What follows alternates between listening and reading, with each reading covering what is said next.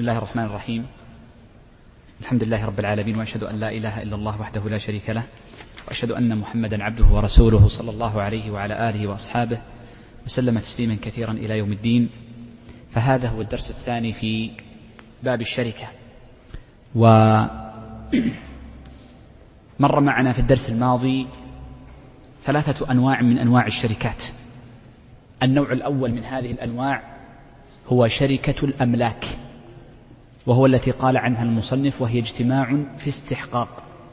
بمعنى أن اثنين يشتركان في ملك عين ولا يشتركان لا في العمل ولا في الذمة. والنوع الثاني من أنواع الشركات شركة العنان وهو أن يشترك اثنان فأكثر في المال والعمل في مال معلوم محدد مقداره وأن يشترك في عمل معين مبين كما سبق تفصيله في هذا النوع من أنواع الشركات. والنوع الثالث من الشركات شركة المضاربة. والمضاربة تكون بأن يشترك اثنان من أحدهما المال ومن الثاني العمل. ومن الثاني العمل. وبقي عندنا من أنواع الشركات نوعان. شركة الوجوه وشركة الأبدان سنذكرهما اليوم والنوع الثالث شركة المفاوضة وسنذكرها اليوم بمشيئة الله عز وجل.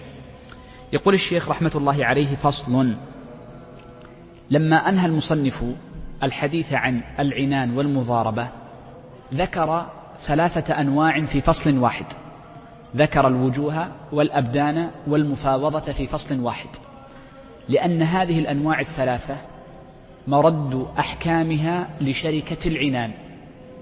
فكل الأحكام التي ثبتت من حيث بيان اشتراط المال واشتراط الربح وما يتعلق بهذه الأمور كله مكرر معنا في هذه الأنواع من أنواع الشركات. فهي ملحقة بالشركات السابقة. ولذلك سبق معنا أن الشركات تفسد بأحد أمرين. إما بجهالة الربح أو بوجود إما بالجهالة في الربح أو في المال أو بوجود الشروط المبطلة للعقد المغيرة لحقيقته. يقول المصنف الثالث شركة الوجوه. سميت وجوه باعتبار أن كل من الشريكين فأكثر يتقبل عن الآخر بوجهه وحينما يقولون الوجوه فإن الوجوه معناها معنى الجاه ولذلك بعض الفقهاء يسميها شركة الجاه. فالجاه والوجوه بمعنى واحد وهو أن يتقبل كل من الشريكين عن الآخر. في أول الدرس الماضي ذكرت لكم أن الشركة تقع على أحد ثلاثة أمور إما أن تقع على المال فقط وتسمى أملاكا وإما أن تقع على الأعمال فقط وتسمى شركة الأبدان وإما أن تكون من أحدهما مال ومن آخر بدن وتسمى شركة المضاربة وإما أن يكون منهما جميعا فيسمى شركة العنان. شركة الوجوه هي المغايرة لأنواع السابقة كلها لأن في شركة الوجوه الاشتراك في الذمم. الاشتراك في الذمم. والاشتراك في الذمم قلت لكم قبل لا يصح على سبيل الانفراد بل لا بد أن يكون معه عمل. إذا شركة الوجوه ما هي؟ هي أن يأتي اثنان فأكثر فيشتركان بعملهما وذمتهما. يشتركان في أمرين. بالعمل والذمة فقط. لا مال لديهما. لو كان المال حاضرا لما أصبحت شركة وجوه وإنما أصبحت شركة عنان. ولكنها في الذمة. يأتي اثنان لا مال لهما. فيقولون على سبيل المثال نأتي ونشتري في الذمة فيما بيننا هذا الشيء ثم أو هذا القماش مثلا ثم نخيطه ونبيعه على أساس أنه قماش.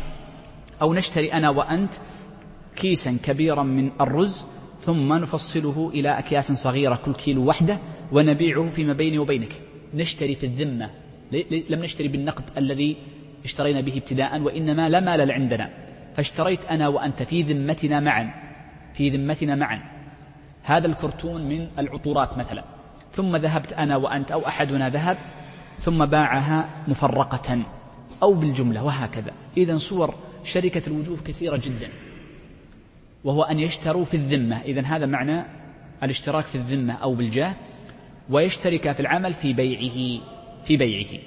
إذا يقول المصنف شركة الوجوه ومعنى شركة الوجوه أي أن يشترك في العمل وفي الذمة معا. قال أن يشتري في ذمتيهما بجاهيهما. قوله أن يشتري في بذمتيهما أو في ذمتيهما أي ليس بثمن حال مقبوض لأن لو الثمن كان مقبوضا فإن الشركة تكون على المال فتكون شركة عنان ولكن لا مال لهما فيشتري شيئا في الذمة. في الذمة أي فيما بعد سوف يسدد. هذا معنى قولنا إنه في الذمة. بجاهيهما بمعنى أن كل واحد من هذين الاثنين مسؤول عن كامل المبلغ ومطالب به. لنفهم صورتين قد تكونان هاتان الصورتان يعني مختلفة بعض الشيء إحداهما هي شركة الوجوه. لو أن اثنين اشتركا شركة أم أملاك في الذمة فقط. ذهبت أنا والشيخ ظافر فاشترينا كيسين من الرز شركة أملاك كيسين من الرز لكن أحدنا له كيس ولا آخر له كيس لا يعرف على سبيل المثال. فقط لأجل العين أنا سآخذه لبيتي والشيخ سيأخذه إلى بيته. هذه تسمى شركة أملاك لكنها ليست شركة حقيقية وإنما أنت مسؤول عن نصف المبلغ وأنا مسؤول عن نصف المبلغ. لو ما دفعت أنت أنا لا أضمنك. لكن لو كانت شركة وجوه اشتركنا بشراء هذين الكيسين لنبيعهما. لنجعلهما نطبخهما بعد ذلك ونبيعهما رز أرزا وهكذا. هنا تكون شركة وجوه. الأول هو بيع مستقل. أنا هذا داخل في مسألة تفريق الصفقة. أنا مسؤول عن كيس وأنت مسؤول عن كيس. لو ما دفعت لست مسؤولا عنك. لكن في الصورة الثانية هي شركة الوجوه. وشركة الوجوه أنك إذا لم تدفع المال أكون ضامنا عنك. أكون كفيلا بالمبلغ المالي الذي عليك. إذا هذا الفرق بين الصورتين. بين مجرد أن اثنين يشتريا عينا لا نسميها شركة وجوه. اثنان اشتركا بالمعنى اللغوي لا بالمعنى الاصطلاحي لأن المعنى الاصطلاحي للشركة قلنا إنها شركة التصرفات لا شركة الاستحقاقات قلناها في أول الدرس. عندما يشترك اثنان في شراء شيء لا يلزم أن يكون أحدهما ضامنا عن الثاني. لكن لو اشترك في شراء شيء ليعمل فيه أي نوع من العمل فإن أحدهما يكون ضامنا عن الآخر. وهذا هو الغرض المهم من شركة الوجوه هذا هو الغرض المهم. وهو أنهم أنهما يكونان مشتركين بالجاه ولذلك سميت شركة الجاه شركة الوجوه. فأحدهما يكون ضامنا للثاني وإن لم يقل أنا كفيل عنه. أرجو أن تكون وضحت هذه المسألة فإنها أهم مسألة وهي الغرض من إيراد هذا النوع من أنواع الشركات وهي شركة الوجوه. فإن الغرض منه أن يكون أحدهما شريكا للثاني بجاهه ووجهه وضمانه وكفالته. طيب. قال أن يشترك في ذمتيهما يعني في يشتري شيئا يشتركان فيه يشتري شيئا لابد أن يشتري شيئا في ذمتيهما يعني غير محال وإنما في الذمة بجاهيهما بأن يكون كل واحد منهما مسؤولا عن كامل المال. قال فما ربح فما ربح في هذا الشيء؟ فقد يكون ربحه بسبب بيعه مرة أخرى نشتري شيئا ثم نبيعه. أو نوزعه مجزأ نشتريه بالجملة ونوزعه مجزأ. أو يكون ربحه بعمل صنعة فيه. تأخذ خشب خام ثم تقطعه وتجعله على هيئة مثلا دواليب. إذا قد يكون العمل بيع وقد يكون صرفا وقد يكون صناعة وقد يكون أشياء كثيرة تختلف عن هذا الشيء. فهي أنواع كثيرة هي التي يعمل فيه. إذا فما ربح ربح من نتاج هذا الشيء الذي اشترياه في الذمة. لابد أن يكون من ربح الشيء الذي اشترياه في الذمة. قال فما ربح فبينهما. فما ربح فإنه يكون بينهما. انتبه. قال وكل واحد منهما. أي وكل واحد من الشريكين شركة الوجوه. وكيل صاحبه. يعني وكيل عنه في التصرف. في المال الذي اشترياه. أنا وأنت اشترينا الأرز فأنا وكيل في الأرز في بيعه والتصرف مثل ما قلنا بالأمس أو في الدرس الماضي في شركة العنان أن كل واحد من الشريكين وكيل عن صاحبه في التصرف لا يحتاج إلى إذن لا يحتاج إلى إذن. الصورة ذكرت لكم قبل قليل هناك صورتان. لو أنا وأنت اشترينا الكيسين لملك الخاص لا يجوز لي أن أتصرف في ملكك. لكن لما كانت شركة وجوه قلنا بيننا هذه الشركة إذا يجوز لي أن أتصرف في ملكك. قال كل واحد منهما وكيل صاحبه وكيل في التصرف في العين الموجودة. وفي نفس الوقت قال كفيل عنه بالثمن أي بالثمن الذي في الذمة. صورة ذلك مبسطة في المثال ذكرناه. أنا وأنت اشترينا كيسي رز لأجل أنها شركة وجوه نشتريه لنبيعه وهكذا. كل واحد منهما كل واحد منا أنا وأنت وكيل عن الطرف الثاني في هذا الرز. يجوز لك أن تبيعه من غير إذن لأنك وكيل في التصرف المأذون فيه ونحو ذلك. لا يحتاج إلى تجديد الإذن. وفي نفس الوقت كل واحد منا كفيل عن صاحبه بالثمن. كفيل بالثمن. بمعنى أنه يجب عليه أن يحضر صاحبه لمجلس المجلس الذي ألزم فيه بالحضور. فإن لم يحضره فإنه يضمن ما عليه من المال. لأن سيمر معنا إن شاء الله أن فقهاء الحنابلة إذا أطلقوا لفظ الكفالة فيعنون بها الإحضار وبعد الإحضار إن لم يحضره فإنه يغرم ما عليه من مال. وليست مجرد الضمان. الفقهاء ستمر إن شاء الله بعد درسين أو ثلاثة في قضية الفرق بين الضمان والكفالة. فهنا عبر بالكفالة فيقصد بها الإحضار. فإن لم يحضره تفريطا أو نحو ذلك فإنه يغرم ما عليه من مال. طيب. قال كفيل عنه بالثمن. قال والملك والملك أي إذا اشتريا شيئا الملك بينهما على ما شرطاه نحن قلنا سأشتري أنا وأنت لنقول ثلاثة أكياس رز. فيجوز أننا نتفق في الملك. طبعا الملك والملك وجهان صحيحان. ذكرت لكم هذا الشيء يصح بالفتح ويصح بالكسر ويصح بالضم. فيصح أن نتفق أن نقول لك كيسان ولي كيس. بينما في العنان إنما يكون الملك بناء على رأس المال المبذول. ولكن هنا الملك على ما اشترطه. لأن يعني الإنسان يريد أن تكون ذمته أوسع والثاني يريد أن يكون بمبلغ أقل وهكذا. قال والملك بينهما على ما اشترطاه والوضيعة على قدر ملكيهما. بمعنى أنا وأنت اشتركنا شركة وجوه في شراء ثلاثة أكياس رز. إحنا هالأكياس الرز نمثل بها دائما. لك الثلثان ولي الثلث. اتفقنا أن الملك لك, كيس لك الثلثان ولي الثلث. فإن ربحنا فإن الربح حينئذ سيأتي بعد قليل الربح أنه على الشرط لكن الملك لك الثلثان ولي الثلث. لكن إن خسرنا فأنت تتحمل الثلثين لأنك أنت قلت أن ملكي على الثلثين. فالملك على ما اتفق عليه فالوضيعة أي الخسارة على ما اتفق عليه في الملك ابتداء. تكون عليك خسارة الثلثين ولي وعلي خسارة الثلث. بخلاف الربح فإن الربح على ما شرطا. يجوز لهم أن يتفقا على شيء آخر. فيقولان لك الثلثين ولي الثلث والربح بيننا بالنصف. مثل ما قلنا في قضية العنان فإنه يجوز المغايرة بين الربح وبين الملك ودائما الوضيعة على قدر الملك والربح على قدر الشرط. فليس دائما الربح ملازم للوضيعة اللي هو الخسارة. هذا هو النوع الأول أو, أو النوع الثالث من أنواع الشركة وهي شركة الوجوه وهي شركة سهلة جدا وكثيرا ما نتعامل بها وإنما أفردها الفقهاء فقط من باب التمييز لاستظهار أنواع الشركات. وإلا ففيها في الحقيقة من حيث اتفاق الشروط والمفسدات مثل شركة العنان تماما.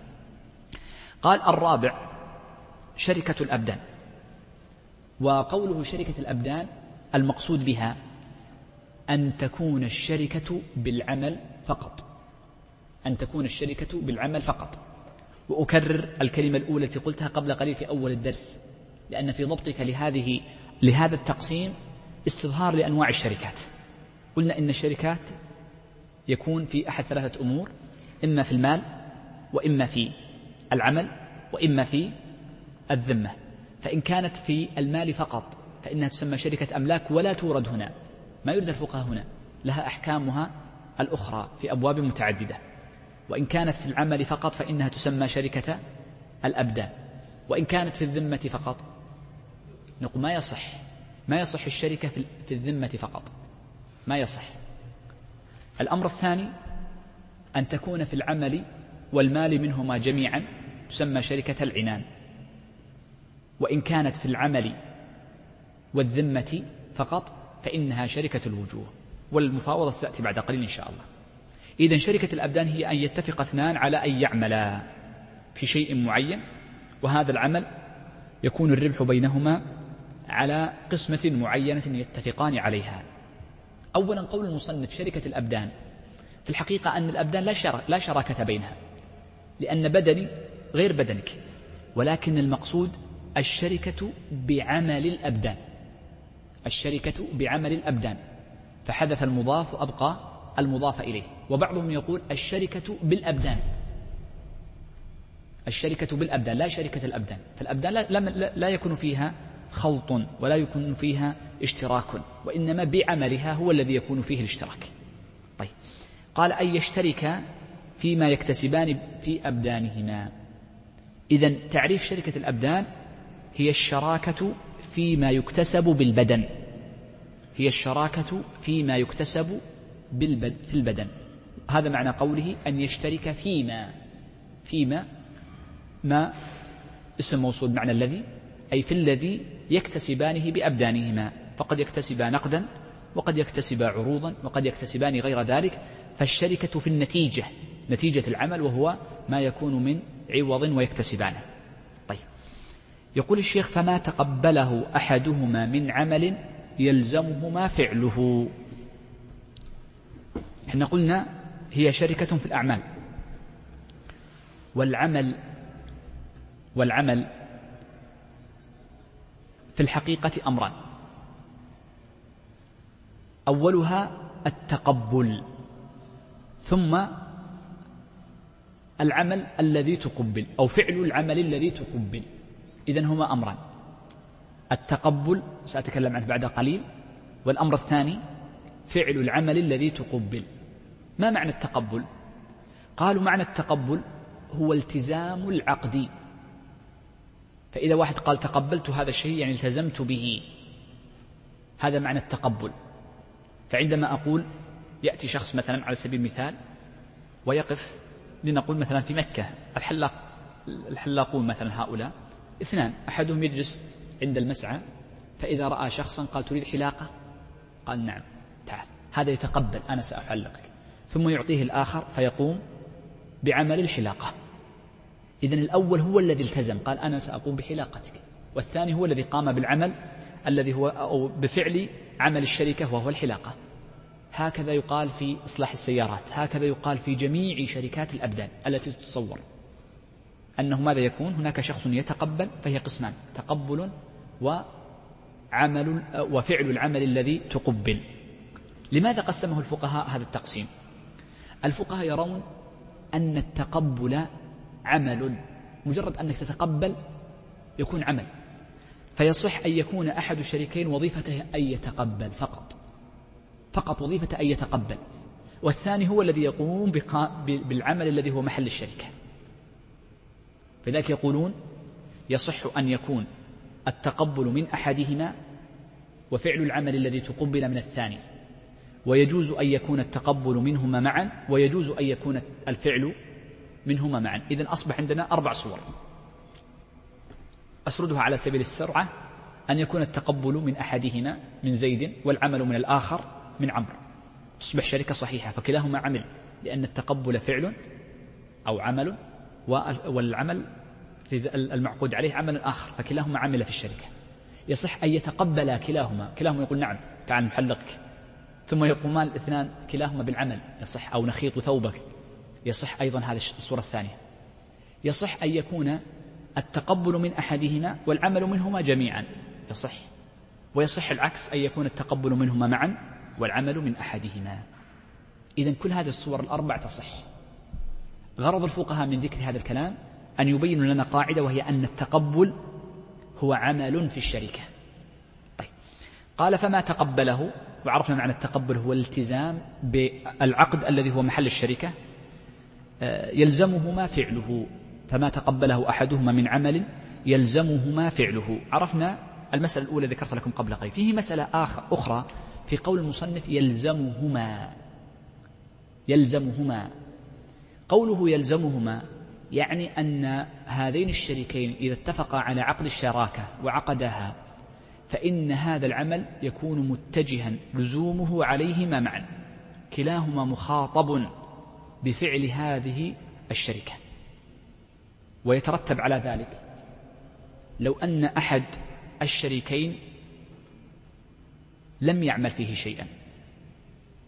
مطلقا. يعني أحدهما هو الذي تقبل لما جاء في العمل لم يعمل الثاني من غير عذر ولم يأذن له صاحبه. نقول يصح له أن يفسخ عقد الشركة لأنه لم يعمل شيئا. هذا واحد. فيكون كامل الأجرة متحققة لأحدهما. سنشير إن شاء الله بعد قليل. إذا فقوله يلزمهما اللزوم هنا باعتبار الشركة لا باعتبار اللزوم الشرعي لأن عقود الشركات كلها عقود جائزة وليست عقودا لازمة. طيب. يقول المصنف وتصح في الاحتشاش والاحتطاب وسائر المباحات. هذه الجملة تفيدنا أن شركة الأبدان لها صورتان. شركة الأبدان لها صورتان. اعتنوا بهذه الجزئية. هذا تقسيم الذي مشى عليه الحنابلة. بالإمكان إيجاد صورة ثالثة سأذكرها لكم بعد قليل. شركة الأبدان لها صورتان. الصورة الأولى أن يكون الاشتراك في عمل معقود عليه وهي الصورة الأولى ذكرها المصنف في قوله فما تقبله أحدهما من عمل يلزمها يلزمهما فعله. أن يكون الاشتراك في عمل معقود عليه. نتفق على عمل تعاقدنا عليه مع طرف آخر. شركة مقاولة إجارة حلاقا ذكرناها قبل قليل تقصير تقصير ثوب مثلا أو قص ونحو ذلك استصناع وهكذا. وضحت الفكرة أعيدها مرة أخرى. أن يكون المعقود عليه عمل متفق عليه سابقا محدد المعالم. معقود عليه مع طرف ثاني. هذه الصورة. الصورة الثانية أن يكون المعقود عليه تملك المباحات. هناك أشياء في الشريعة تقول إن الشريعة إن الشخص يجوز له أن يتملك أي عين من الأموال بأحد طرق إما أن يتملكه بالإرث أو يتملكه بالتعاقد اللي ذكرناه قبل قليل عن طريق بيع أو إجارة أو نحو ذلك من صور التعاقد. أو يتملكه عن طريق الإباحة. في أشياء في الشرع جاز لكل شخص أن يأخذ هذا المباح. من الأشياء المباحة الاحتطاب جلب الماء آه، وغير ذلك من الأمور. فهذه أشياء مباحة. الاحتشاش مثل ما ذكر المصنف. هذه أشياء مباحة. الأيام هذه أيام فقع مثلا. ليذهب للشمال مثلا. يتفقان اثنان هذا كثير جدا. يخرج اثنان يقول خلاص كل واحد منا يذهب لي يعني يكتسب من هذا الفقع الموجود في الأرض. ثم نجمعه بيننا ونقسمه بيننا نصفين. أو ثلثين وثلث على حسب ما اتفقا باعتبار أن الأول مثلا هو صاحب مثلا الذي دله على الموضع أو صاحب الخبرة ونحو ذلك. هذا يسمى اكتساب مباحات. الفرق بين الأول والثاني أن الأول محدد العمل طبيعته الثاني غير محدد العمل. فقد تجلس تبحث مئة متر مئتين متر ما تدري أهو تكتسب فيه شيئا أم لا. ولذلك سمي اكتساب مباحات. طيب. الدليل على النوع الثاني وهو الذي قيس عليه العمل الأول ما ثبت عند أبي داود من حديث عبد الله ابن مسعود رضي الله عنه قال اشتركت أنا وعمار وسعد في يوم بدر أي في السلب فلم آتي أنا ولا عم ولا سعد بشيء وإنما أتى به عمار رضي الله سعد بن سعد بن معاذ الذي سعد بن وقاص الذي جاء منه. سعد الذي جاء به وعمار وابن مسعود لم يأتيا بشيء. لم يأتيا بشيء. هذا يدل على كسب المباحات أو على النوع الأول فهو يشمل الأمرين معا. طيب قبل أن أنتقل من كلمة المباحات أظنها واضحة. انتبه هنا. وسيأتي معنا لكن لكي نضبط هذه المسألة. الفقهاء يقولون إن المباحات نوعان مباحات ظاهرة ومباحات نادرة. فالمباحات النادرة لا يجوز الاشتراك فيها ما يجوز الاشتراك في المباحات النادرة. ومثلوا للمباحات النادرة بالركاز والمعدن واللقطة. اللقطة مباحة. من وجد لقطة فإنه يتملكها إذا كانت مما لا يستهويها مما لا تستهوي أواسط الناس وأما إن كانت تستهوي أواسط الناس فإنه, يتملك يتم فإنه يتملكها إذا عرفها سنة. والذي يتملكها إنما هو الذي التقطها دون من عده فمثل هذه الأمور هذه تسمى مباحات نادرة. فالفقهاء يقولون لا يصح الاشتراك في المباحات النادرة. ستأتي إن شاء الله في المفاوضة بعد قليل. ستأتي في المفاوضة بعد قليل. بس عشان نعرف أنه ليس الاشتراك في كل المباحات جائز وإنما يجوز في المباحات الظاهرة. ضربنا أمثلة لها قبل قليل دون النادرة. طيب. يعني من من أمثلة المباحات الظاهرة. يعني في الأسواق أحيانا يتفق بعض القائمين على السوق يقولون نأخذ ما سقط من الخضار. نأخذ كل ما سقط من الخضار. هذا مباح لأنه من اللقطة التي دائما تكون موجودة كل يوم تكون موجودة. فهم تعمدوا رميها. إحنا قلنا أن اللقطة إذا أو سيأتي معنا إن شاء الله أن اللقطة إذا تعمد صاحبها رميها فإنها تم يعني تملك مباشرة. مثل هذه ليست نادرة. فيجوز الاشتراك فيها. تجدهم يأخذون باقي الخضار ثم يقتسمونها بينهم. أو يجتمع مجموعة مثلا ويأخذون باقي الكراتين. الكراتين هذه كرتون. ثم يأخذونها ويبيعونها أو بعض الناس يجتمع في شراء الخردة الحديد مثلا. وهكذا هذه كلها هي نوع لقطة تؤخذ لكنها ليست نادرة لأنها موجودة مليئة منها لكن النقطة النادرة التي يقصدها الفقهاء وستأتي بعد قليل التي تحتاج إلى تعريف مثلا وليست موجودة إلا نادرا فالعبرة في ضبط النادر وغيره إلى العرف. نعم. يقول الشيخ وإن مرض أحدهما فالكسب بينهما. هذه مسألة دقيقة. قلنا أعيد الكلام مرة أخرى. شركة الأبدان شركة في ماذا؟ في العمل. أليس كذلك؟ طيب. إذا لم يعمل أحدهما شيئا هل يستحق شيئا من أجرة الشركة أو ربح الشركة أم لا؟ نقول إذا لم يعمل يعني لو ترك أحدهما العمل إما بعذر كمرض أو من غير عذر أو من غير عذر. فإنه لا يستحق الربح إلا بوجود أحد أمرين. الأمر الأول أن ينيب مقامه شخصا آخر يقوم بالعمل. والأمر الثاني أن يأذن شريكه بالربح له. لأنه إن أذن مثابة التبرع كأنه تبرع لا خلاص سأعطيك الربح وأنت ما عملت شيء كأنه فعل ذلك من حق كل شخص أن يتبرع بجزء مما يستحقه هو لصاحبه.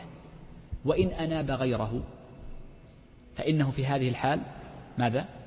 كأنه قد وكل. لأن نحن قلنا أصلا شركة الشركة فيها نوع وكالة. بل هي وكالة.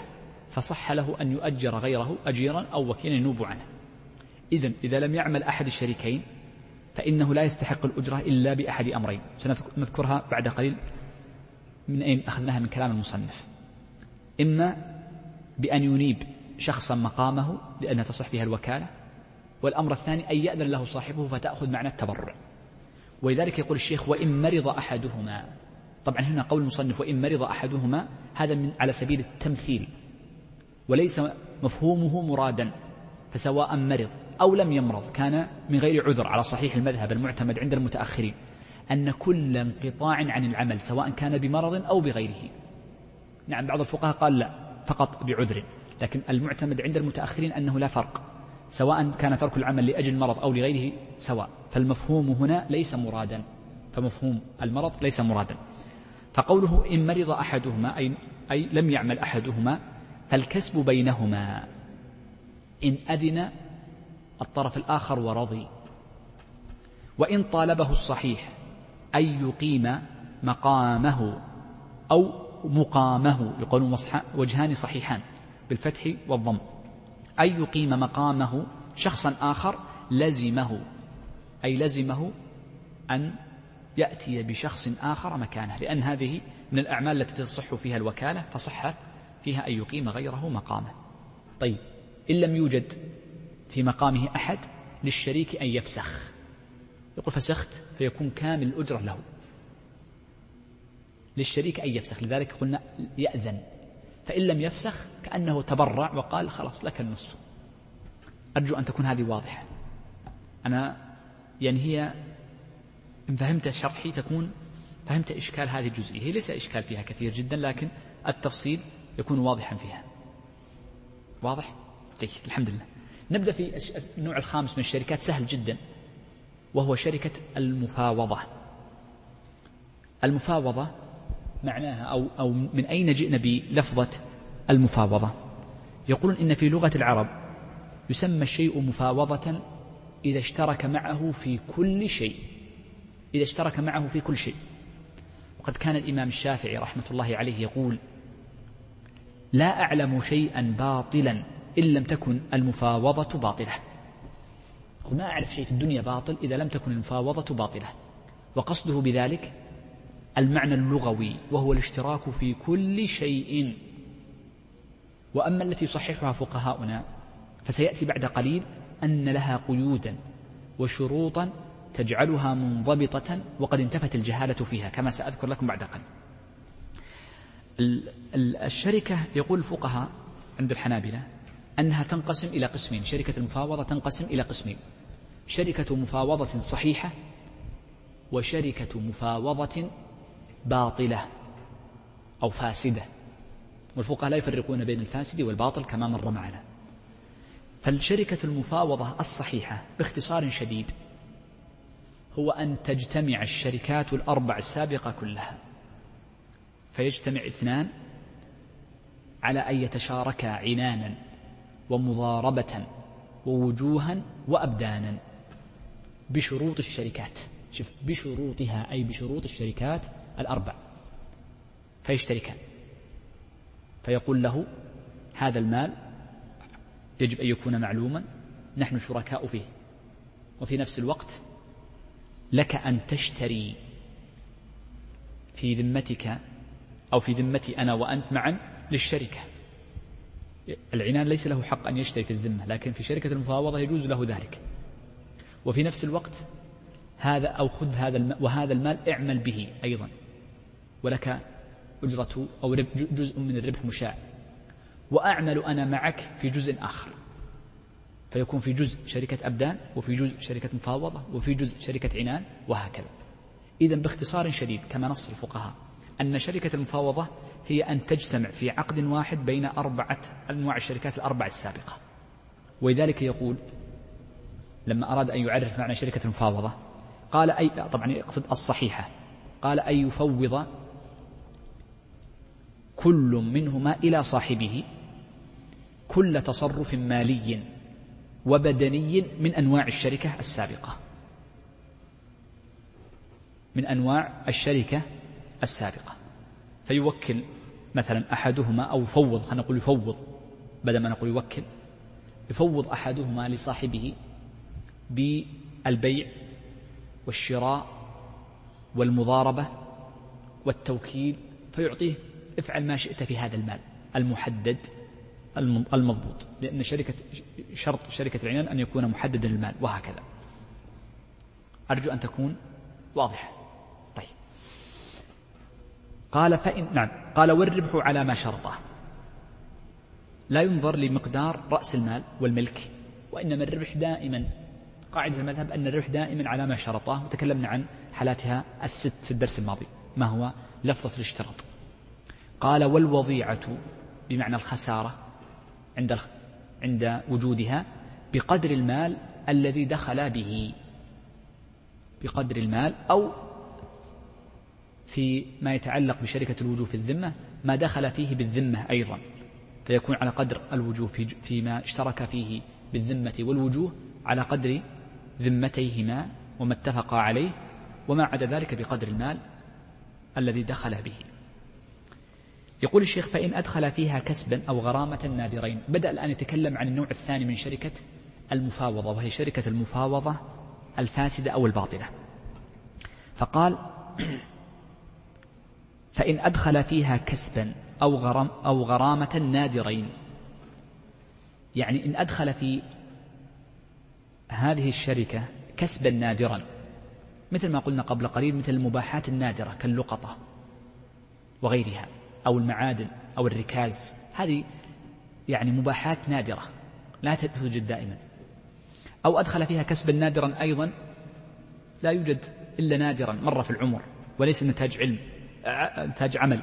مثل قالوا الإرث. الإرث الإنسان أصلا لا يدري هل يرث أم لا يرث وكم مقدار ما يرثه. فقد الإنسان يرث من ابنه وقد ابنه يرث منه وهكذا. فهي أمر نادر ففيه الغرر واضح جدا.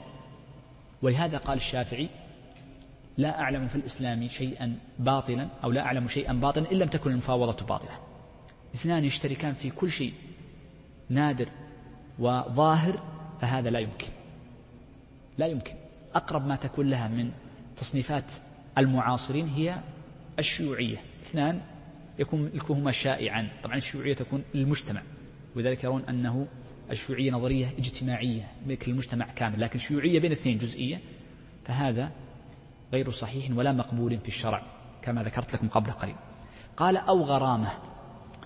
من المصطلحات التي اختلفت بين زمان كلام الفقهاء وفي زماننا كلمة الغرامة. الغرامة عند مصطلحات المعاصرين يعنى بها العقوبة المالية. عند المعاصرين إذا أطلقت الغرامة فإنما يقصد بها العقوبة المالية. أبسط مثال لها ساهر تو فكني الله. عند الإشارة. أبسط مثال للغرامة بلغة المعاصرين هي العقوبات المالية. ونحن نعلم أن الجمهور لا يجيز إلا الرواية الثانية مذهب أحمد والعمل عليها. اختيار الشيخ تقي الدين وأطال عليها ابن القيم. أما الذي يقصده الفقهاء بقولهم الغرامة للمعاصرين فإنهم يقصدون كل غرم يكون على الشخص. كل غرم. فيشمل أروش الجنايات والديات والحكومات وضمان المتلفات. وغير ذلك من الأمور. إذا كل ما يترتب على الشخص نتاج تصرف منه تصرف ضار بغيره فإنه يسمونه غرامة فإنهم يسمونه غرامة. نعم. يقول الشيخ أو ما يلزم أحدهما من ضمان غصب ونحوه.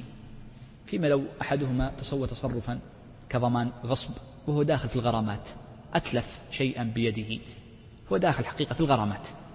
إذا أتلف أحدهما شيئا لكونه غصب شيئا فتلف في يده. وفي معنى الغصب كل شيء آخر. ولذلك انتبه لماذا عبر بالغصب فقط؟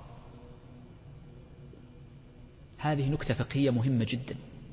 لنعلم أن باب الغصب عند الفقهاء من أدق أبواب الفقه المعاملات المالية. باب الغصب هذا باب صعب جدا. وكان أحد مشايخنا عليه رحمة الله يقول إن أصعب باب في باب الفقه أو من أبواب الفقه هو باب الغصب. صعب جدا. لأن فيه يتحدث عن جميع الغرامات ويتحدث فيه عن مسائل اختلاط الأموال ويتحدث فيه عن كثير من مسائل المال الحرام كله. ففيه مسائل دقيقة جدا يذكرها الفقهاء في باب الغصب تبعا. وإلا تدخل فيه كثير من الأبواب ضمنا. كما ذكرت لكم أن باب البيع أهم باب يذكرون فيه كليات المعاملات. الغصب كذلك يذكرون فيه كليات المال الحرام. ولذلك فيه من دقائق المسائل ما لا يعني يستطيع كثير من الناس أن يضبط هذا الباب الضبط التام. طيب. قال أو نحوهما فسدت أي فسدت الشركة شركة المفاوضة. لماذا؟ لوجود الغرر لوجود الغرر. طيب. بقي عندي مسألة فقط أخيرة. لو أن امرأ قال أنا وأنت شركاء.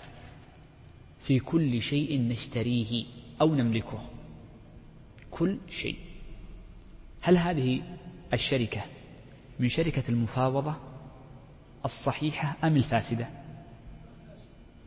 نقول إن نظرنا لإطلاقها وأنها تشمل الأكساب النادرة والغرامات أو في كل شيء نشتريه أو يلتزم علينا فإنها تكون فاسدة. وإن كان العرف قد قيدها بشيء معين ظاهر وهو التصرف مدة الشهر القادم كاملا وليس مقصود بها الأكساب النادرة فإنها تصح. بمعنى أنه إذا استثني هذا الأمر الأكساب النادرة والغرامات وما في معناها فإنها تصح. إما استثناء نصيا أو استثناء عرفيا وإلا فإن المفاوضة تكون فاسدة. باقي عندنا باب سهل جدا وهو باب المساقات والمزارعة والمغارسة والمناصبة وما يتعلق بها. وهذا الباب يذكره الفقهاء فصلا يعني فاصلا بين باب الشركة وباب الإجارة. وسبب ذكر ذكرهم له أن أن المساقات وما يتعلق وما يتبعها هي في الحقيقة نوع من أنواع الشركات. فلذلك ذكرت في آخر أبواب الشركات. الأمر الثاني أن هذه المساقات وما يلحق بها يصح فقط هي التي تصح أن تكون بلفظ الإجارة. تصح أن تكون بلفظ الإجارة لأن فيها شبها بعقد الإجارة فيها شبه بعقد الإجارة. وهنا مسألة طال كلام الفقهاء فيها وهي قضية المساقاة ما الفرق بينها وبين الإجارة؟ حتى جاء أبو حنيفة الإمام النعمان بن ثابت رحمة الله عليه فقال إن المزارعة ما تجوز للنهي عن المخابرة. فقال إنه منهي عنه. طبعا هذا الحديث له توجيه عند الفقهاء ليس هذا محله وإنما في درس الحديث. فألغى الباب كله قال لأن حقيقة فيها شبه من الإجارة شكلا ولكن الثمن غير معلوم. ما الفرق؟ انظر انظر الشبه بينهما. بس لكي نفهم هذه المسألة. لو أن امرأ عنده عامل في مزرعته وقال للعامل اعمل في هذه الأرض بأجرة قدرها كذا هذه عقد إجارة. لكن لو قال للعامل اعمل في هذه الأرض ولك ربع الناتج هذه مساقات أو مزارعة. لو نظرنا بالإجارة أن تقول من شرط صحة الإجارة ماذا؟ علم علم الإجرة. سيأتي إن الدرس القادم. أن يكون أن تكون الأجرة معلومة. طيب هل الأجرة معلومة هنا؟ لا. قد تنقص عدم الظهور واضح جدا. فلذلك منهم من ألغى العقد بالكلية ومنهم من قال إن هذه مستثناة بالنص.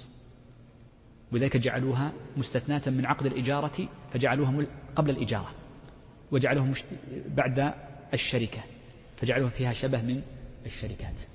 ومنهم من قال تعرفون هذا الكلام؟ الشيخ تقي الدين وهو مذهب الحنابلة أن عقد المساقات تفارق عقد الإجارة بل إنها من عقود الشركات وليست من عقود الأجرة. وبناء على ذلك أطالوا الكلام فيه حتى قال الشيخ تقي الدين إن عقد المساقات والمزارعة أفضل كسبا من عقد الإجارة. أفضل كسبا. وأطال في هذا في رسالة كاملة مطبوعة في ضمن مجموعة الرسائل التي طبعها رشيد رضا. طيب. يقول الشيخ باب المساقات. طبعا هنا يذكرون المساقات ويذكرون معها عقودا مشابهة لها وهي المزارعة والمناصبة والمغارسة وسنذكرها بعد قليل. بدأ بأولها قال تصح على شجر له ثمر يؤكل. بدأ بذكر المساقاة ما هي المساقاة أن يكون هناك شجر قائم موجود فيأتي العامل الذي عقد معه العقد فيتفقان على أن العامل يقوم بالسقي لهذه الشجرة ثم يشتركان في ثمرتها فالشجرة قائمة. وقيمة السقي إنما هي جزء مشاع من ثمرته. قال تصح على شجر بمعنى إذا لم يكن هناك شجر وإنما هناك زرع مثل النباتات والجزات فإننا نقول إنه ما تسمى مساقات وإنما تسمى مزارعة. سيأتي إن شاء الله بعد قليل. حتى قال بعض الأصحاب إن ضابطها أن المساقات إنما تصح على ما له ساق. وما ليس له ساق إنما هي مزارعة. طبعا التقسيم إنما هو شكلي والنتيجة الإباحة بأمر الله عز وجل.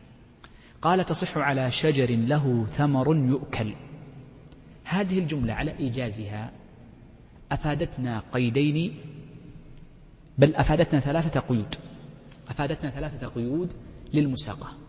القيد الأول قوله تصح على شجر. فما لم يكن شجرا من الزرع لا يسمى مساقاة وإنما يسمى مزارعة. وعرفنا أن من فقهاء من قال إن قيد المساقات فيما له ساق وما عداه لا يسمى كذلك وإنما يسمى مزارعة. القيد الثاني المهم عندي وهو قوله له ثمر. له ثمر. بمعنى قوله له ثمر أي أن الشجر الذي لا ثمر له لا يصح المساقات عليه. فما ليس له ثمر لا تصح المساقات عليه. طيب هناك شجر لا ثمر له لكن منتفع به مثل شجر الزينة. شخص يقول للعامل شوف عندي شجر قائم الآن. اسقه حتى يكبر قليلا ثم نبيعه بينك بين بيني وبينك نصف بالنصف إذا بعنا شجر الزينة. أو يقول شيئا آخر كان يكون الشجر له خشب مقصود. يكون له خشب مقصود. مثل شجر الصنوبر مثلا يقول إنه قصد لأجل خشبه. فمشهور المذهب عند المتأخرين أنه لا تصح المساقات عليه بل لا بد أن يكون له ثمر. حتى وإن كان له خشب مقصود أو هو في ذاته مقصود لغير الثمر فلا تصح المساقات عليه. لماذا قال الفقهاء ذلك؟ هذا هو محل الإشكال لأن فقهاء المذهب المتأخرين مشوا على أن المساقات مستثناة وما كان مستثنى فالواجب تضييقه وعدم القياس عليه. بينما الرواية الثانية اللي قلت لكم قبل قليل وهي طريقة متقدم فقهاء الحنابلة أن المساقات والمزارعة عقد مستقل بذاته لا يخالف أي عقد من العقود وليس مستثنى من أي صورة بل هو صورة من صور المشاركات. وبناء على ذلك فيلحق به غيره كشجر الخشب الذي يقصد الخشب أو يقصد لغير ذلك. طيب. الأمر الثاني أو القيد الثالث قال له ثمر يؤكل. فإن كان الثمر له ثمر لكنه لا يؤكل فيقولون أيضا لا يصح. هناك ثمر لا يؤكل. لا مثل الصنوبر هذا قلنا له ثمر طبعا ليس الصنوبر اللي ناكله هذا. الصنوبر اللي ناكله هذا ينبت من زرع لا ينبت من شجر. شجر الصنوبر يطلع يعني ثمره قاس ولا يأكله الآدميون فليس ثمره يؤكل. فقالوا لا يصح. وبناء على ذلك فإن فقهاء المذهب يقولون لو كان الشجر لا يؤكل ثمره ولكن له ورق يباع أو زهر يقصد كورود وغير ذلك فلا تجوز المساقات عليه. لماذا؟ قالوا لأنه ورد على خلاف القياس والنص قد ثبت في الثمر فقط. فقد ثبت في الصحيحين من حديث عبد الله بن عمر رضي الله عنهما أن النبي صلى الله عليه وسلم شاطر أهل خيبر. هذه مساقات. شاطر أهل خيبر على نصف ما يخرج منها من ثمر وزرع. ثمر. لا بد أن يكون ثمر. زرع لا زرع اللي هو اللي ما له ساق. قلنا قبل قليل. كالبقولات والقثاء وغيرها والقثاث وغيرها. سيأتي بعد قليل في المساقات. طيب لذلك المساقات تصح فيما يؤكل وما لا يؤكل. الزت اللي هو البرسيم وغيره يجوز أن تصح فيه المساقات. ما يأكله الآدميون تصح المزارعة فيه. لا يأكله الآدميون طيب سم. والبطيخ والجزر كل هذا من باب المزارعة لكنه يؤكل هذا يؤكل. نعم. طيب. إذا عرفنا بس قيد المذهب. أنا أريدكم أن تفهموا بس أن المذهب ضيق باب المساقات الحقيقة في نطاقها وقوفا عند النص. لماذا لم يقيسوا عليها؟ لأن القاعدة عند فقهاء أن ما استثني وكان رخصة. ما الرخصة عندهم هو ما استثني غالبا. أن ما كان رخصة واستثني من الأصل لا يقاس عليه غيره. ضربنا أمثلة كثيرة من بداية كتاب الزاد ودائما نكرر هذه القاعدة. لكي نعرف لما الحنابلة لا يقيسون في بعض المسائل ويقيسون في غيرها لأن ما كان مستثنى من الأصل فإنه لا يقاس عليه. يقول وعلى ثمرة موجودة. انظر هنا. المساقات تكون لها على الثمر أليس كذلك؟ ثمر الشجر. هذه الثمرة لها حالتان إما أن تكون غير موجودة. يعني إيش معنى غير موجودة؟ يعني ما بعد خرجت فيصح المساقات عليها. هذا لا شك. والحالة الثانية إذا كانت قد ظهرت ثم بعد ظهورها ووجودها اتفق مع العامل قال كمل السقي. كمل السقي. فنقول يصح المساقات على الثمرة الموجودة لكن بشرط لابد أن نعرف هذا الشرط.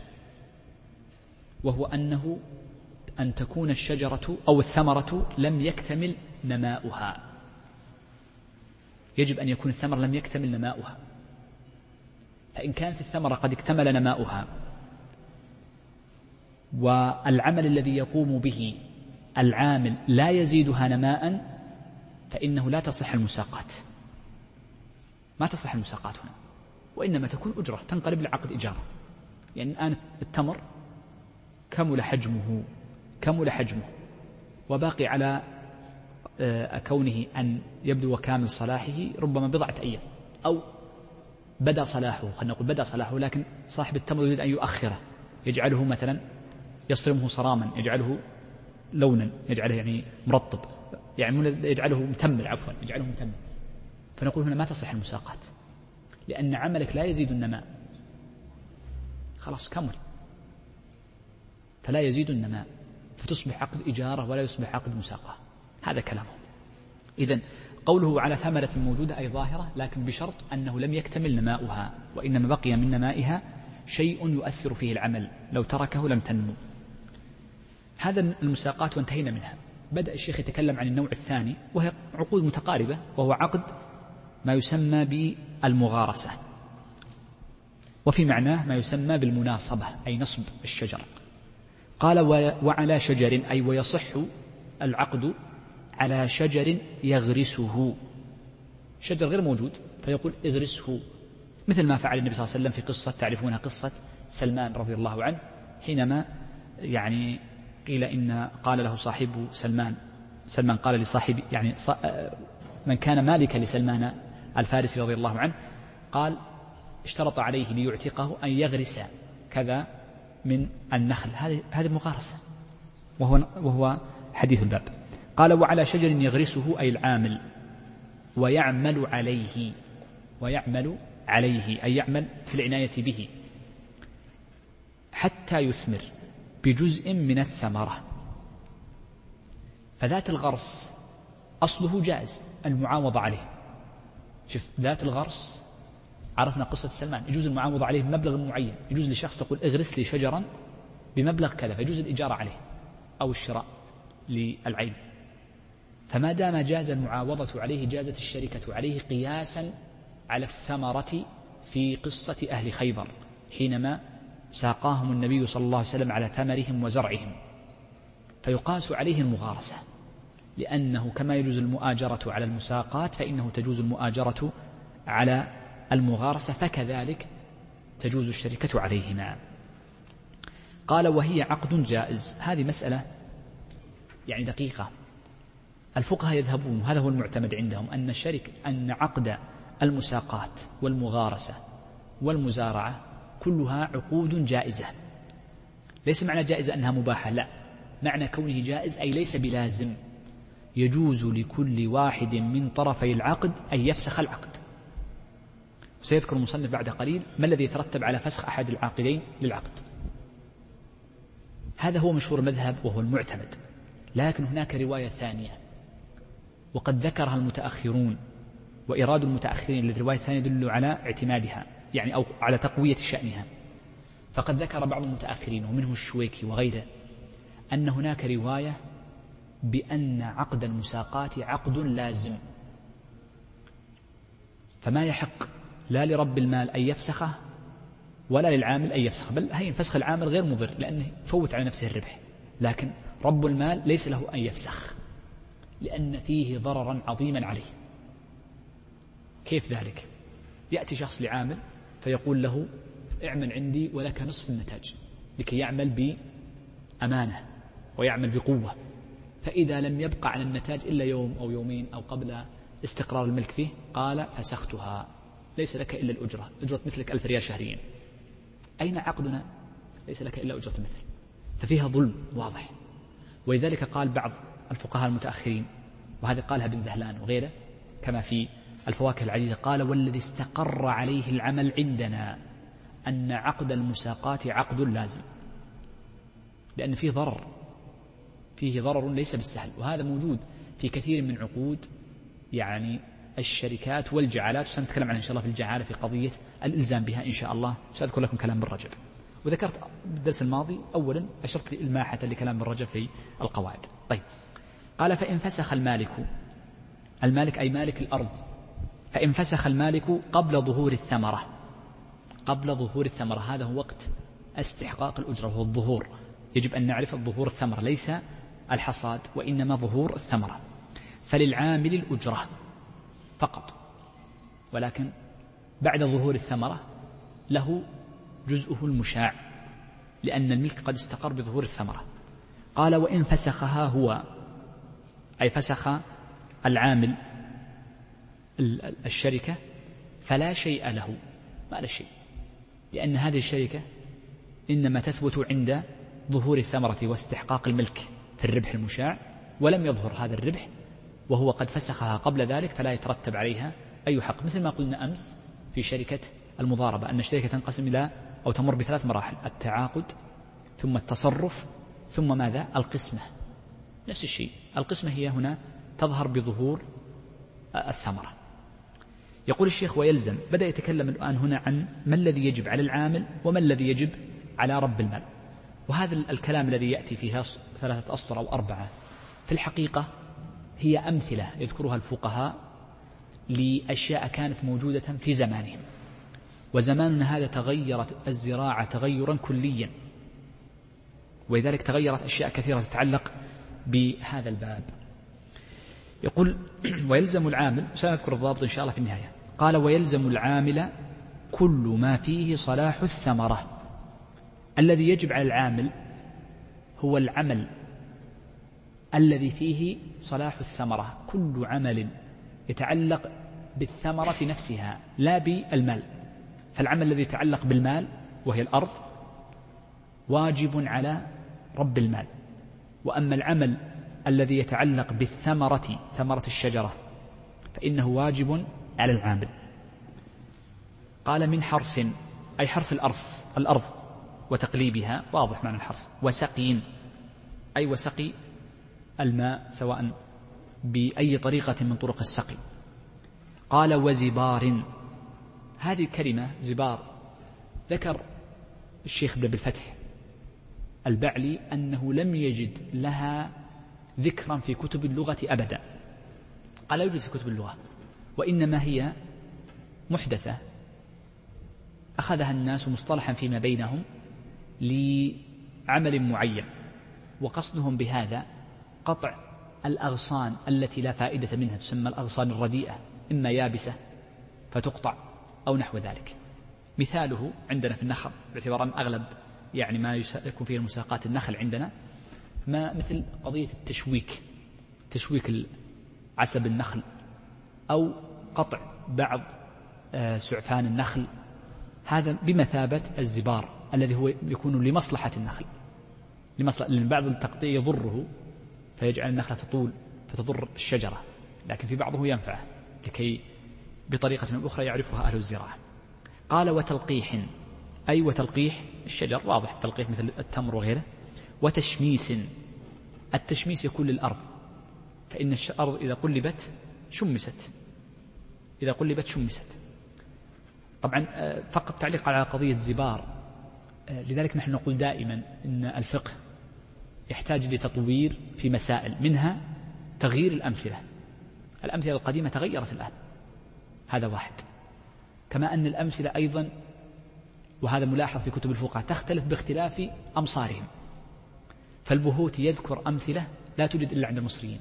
يعني مر علي ذكر كلمة البهوتي معناها يعني طرف طرف الثوب.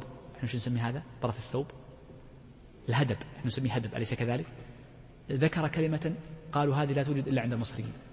فأحيانا بعض الأمثلة تكون ليست عربية وإنما عرفية.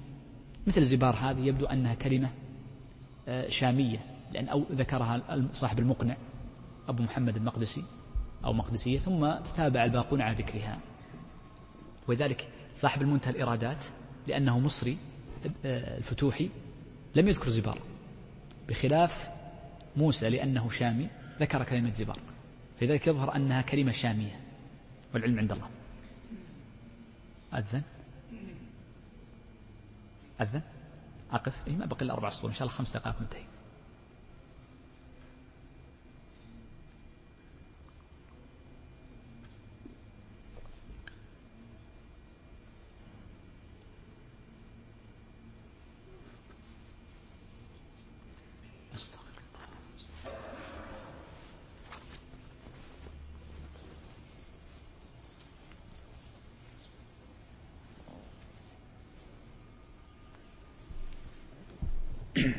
نعم. يقول الشيخ ويلزم العامل كل ما فيه صلاح الثمرة من حرث وسقي وزبار وتلقيح وتشميس وإصلاح موضعه وطرق الماء أي وإصلاح موضع الشجر الذي آه، هو محل آه، الثمرة وإصلاح طرق الماء التي تكون في الأرض. لأن طرق الماء قد تكون بعضها يعني مجاري الماء وممراته قد يكون نقص التراب قليلا فيخرج الماء ولا يكون متجها بكليته للشجرة وهكذا. إذا فمقصود بطرق الماء أي طرق الماء في الأرض. قال وحصاد أي ويلزمه الحصاد. قال ونحوه من الأعمال التي تتعلق به.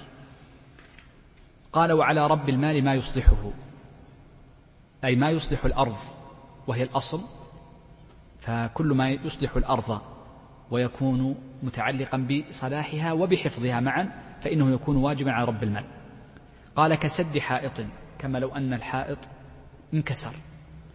فيجب آه، وضع السور وإصلاح الباب على رب المال. قال وإجراء الأنهار. إجراء الأنهار إلى هذه المزرعة وهذا قديم كما ذكرت لكم قبل. والدولاب لأن الدولاب أمر ثابت فكل شيء ثابت. فإنه على رب الأرض الأشياء الثابتة. والدولاب كان موجودا قديما يقصد به مثل مثل العجلة يسحب به الماء. وفي زماننا هذا تسمى الثواني عندنا قديما. الآن في زماننا هذا لا يوجد هذا الشيء. وعلى ذلك فإننا نقول رب الأرض يجب عليه إيجاد ماكينة ماكينة إخراج الماء أو تسمى آه، يسمونها؟ الغطاس مثلا اللي كان في الارتواز وغيره. فيكون واجبا على رب الماء على رب الأرض ولا يجب على العامل. يقول الشيخ فصل بدأ بذكر النوع الأخير من أنواع المشاركة على جزء من الأرض وهو المزارعة. قال وتصح المزارعة بجزء معلوم النسبة مما يخرج من الأرض لربها. المزارعة معناها أن رجلا يعطي الآخر أرضا. ثم يقول ازرع هذه الأرض. أرضا قد تكون جرداء وقد يكون الحب من صاحبها. فيقول ازرع هذه الأرض. وما نتج من, من, من زراعتها فإننا فيه شركاء بنسبة كذا. يقول ولها حالتان. الحالة الأولى أن يكون البذر من رب الأرض. والحالة الثانية أن تكون البذرة الحبوب يعني من الزارع أو من العامل. إذن هي صورتان. هي صورتان ومعرفة هاتين الصورتين مهم جدا. أما الصورة الأولى فلا, فلا خلاف. في المذهب خلافا لأبي حنيفة. ذكرت لكم أنه تصح عقد المزارعة إذا كان الحب من صاحب الأرض لعدم وجود الغرر. فإن العامل هنا ليس منه إلا بذل جهده. مثل المضاربة يبذل جهده فقط فقد يخسر ولا يكون له شيء إذا لم تربح شيئا. ولذلك يقول وتصح المزارعة بجزء معلوم سيأتي الخلاف الثاني بعد قليل. بجزء معلوم النسبة. قوله معلوم النسبة أي لا بد أن يكون مشاعا وأن تكون النسبة واضحة مثل ما ذكرنا في شركة العنان. مما يخرج من الأرض من الزرع من القثة ومن غيرها ومقاسي والخضروات وغيرها لربها. أي أن جزءا يكون لرب الأرض والباقي يكون للعامل أو العكس يقول لك الثلث والباقي لي النتيجة واحدة. وإنما ذكر المصنف هذه الكلمة لكي يقول لك لا يلزم تبين ما لكل من الشريكين فإن تبين أحدهما يلزم منه تبين الثاني وهذا واضح جدا.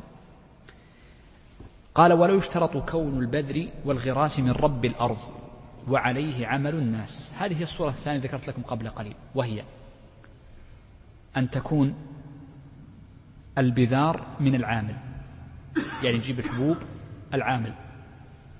وفي معنى البذار الآن وأصبح له مؤنة وهو السماد. ويسمونه في اللغة العامية عندنا الكيماوي وله قيمة. أحيانا قد يصل إلى أربعين ألف. يتفقون على أنه يشتري بأربعين ألف.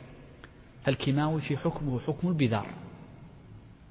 وقد ذكر المصنف هنا أنه يجوز أن يكون البذار من العامل ويجوز أن يكون من رب المال.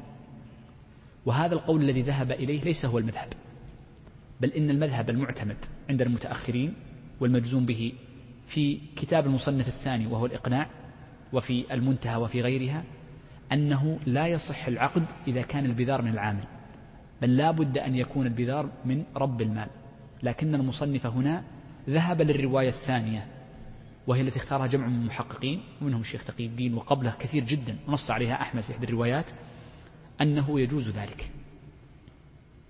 قال وعليه عمل الناس. طبعا آه، طبعا دليل الجواز أمران. الأمر الأول أنه قد ثبت فعل ذلك عن عدد من الصحابة كعمر وابن مسعود وغيره. والأمر الثاني قوله وعليه عمل الناس أي حاجة الناس. وقبل أن أختم هذا الدرس سأقف مع قول المصنف وعليه عمل الناس عددا من ال ال الوقفات. الوقفة الأولى أننا يجب أن نعلم أن من مقاصد الشرع التسهيل على الناس لا التشديد عليهم ولذلك يقول بعض أهل العلم هو الشيخ تقي الدين يقول إن الفقيه حقيقة هو الذي يبحث عما فيه صلاح الناس لا عما فيه تشديد عليهم. قال وبعض الفقهاء يوقع الناس في الأشد وهو الحرمة يقول للناس الأشد فيوقع الناس في الحرام أو يجعلهم يبحثون عن التحيل ليبحثوا عن طريق يقعون فيه أو يصلون لمقصودهم. ولا يمكن أن يأتي الشارع بسد الطرق المؤدية لما فيه صلاح الناس فلا بد أن يعاد النظر والاجتهاد والنظر في المعاني أحيانا والقواعد الكلية للنظر في صالح الناس الأمر الثاني أن المصنف هنا في هذا المختصر خالف ما اعتمده المتأخرون لأجل عمل الناس. وهذا يدل على أن الفقيه له نظر في التفقه وله نظر في العمل عند العمل وله نظر ثالث عند الفتوى. هي إذن ثلاثة, ثلاثة أنظار. نظر عند التفقه يأخذ كلام الفقهاء ويمره على طريقة واحدة ليضبط ما في ذهنه ويكون هي الدرجة الأولى للطلوع. ثم عند العمل سواء عمله لنفسه أو لغيره يكون هناك نظر آخر وله معاييره في الترجيح والاختيار. ثم هناك أمر ثالث وهو الفتوى. فقد يفتي الشخص للضرورة العامة بالإباحة وقد يفتي سدا للذريعة بالمنع وغير ذلك. إذا فهناك ثلاثة أشياء. وخطأ كثير من طلبة العلم أنهم لا يفرقون بين هذه الأمور الثلاثة بين التفقه وبين العمل وبين الفتوى. فتجده أحيانا يتفقه بأمر ويظن أن فتفقهه غير أن تفقهه غير صحيح بسبب أن العمل على خلافه. هذا غير صحيح. المصنف هنا بين أن العمل عند الناس على شيء وأن الفقه أو التفقه على شيء أمر واحد. فلا يلفظ القول بكون عمل بعض الناس على خلافه. وهذه مسألة يجب أن تستقر في ذهن طالب العلم. الأمر الأخير أن قول المصنف وعليه العمل هذه عليه العمل هي لفظ من ألفاظ الترجيح. فقهاؤنا رحمة الله عليهم يذكرون ألفاظا للترجيح. مر معنا المشهور ما معناه مر معنا المعتمد ما معناه مر معنا قول الأكثر ما معناه وما فائدته وغرضه وذلك منصور. لما ذكر وقبله المرداوي لما ذكروا القول الأول الذي قلنا إنه المذهب قال وعليه عامة الأصحاب. إذن هو ترجيح بالأكثر. من ألفاظ الترجيح الترجيح بالعمل. الترجيح بالعمل. ويقصدون بالترجيح بالعمل أكثر من معنى. المعنى الأول وهذا هو استخدام الفتوحي في ابن الجار الفتوحي في منتهى الإرادات. يقصد بالعمل ما قضى به الحكام والقضاة. فقد ذكر في مقدمته لشرح لشرحه هو لكتابه المنتهى قال وأمشي أو معنى عبارته أنه إنما يذكر ما في التنقيه والمقنع قال ولا أخالفهما أو نحو ما ذكر إلا أن يكون عمل العمل على خلافه. جاء في الشرح قال والمراد بالعمل أي عمل القضاة والحكام. ولذلك فإن القضاء قد يكون على مسألة على خلاف ما عليه طريقة المذهب والفقه. هذه مسألة بمعنى العمل. المعنى الثاني بمعنى العمل أي معناه عمل آه، المتأخرين. بمعنى عليه فتوى المتأخرين. معناه أنه عليه فتوى المتأخرين. فقد يكون مذهب على شيء ولكن المتأخرين يفتون بخلافه. وهذا دائما يستخدم عند مشايخنا عندما يقولون كذا ولكن الفتوى هو معنى ما عليه العمل. العمل على خلاف ذلك على الرواية الثانية أو الثالثة. الاستخدام الثالث وهذا موجود عند الإمام أحمد فقط أنه يقصد بالعمل اتفاق الناس على خلافه. ولذلك يذكر بعض الأحاديث ويقول لكن العمل على خلافه. إذا قال العمل على خلافه أي قول الاتفاق لا أقول إجماع وإنما أقول الاتفاق وهو قول الأكثر. هذه ثلاث معاني لكلمة العمل أو الترجيح بالعمل. آه، غالبا لا يخرج استخدام الفقهاء لواحد من هذه الأمور الثلاث. بذلك نكون أنهينا باب الشركة. بحمد الله عز وجل. أسأل الله عز وجل لنا جميعا التوفيق والسداد وأن يرزقنا العلم النافع والعمل الصالح.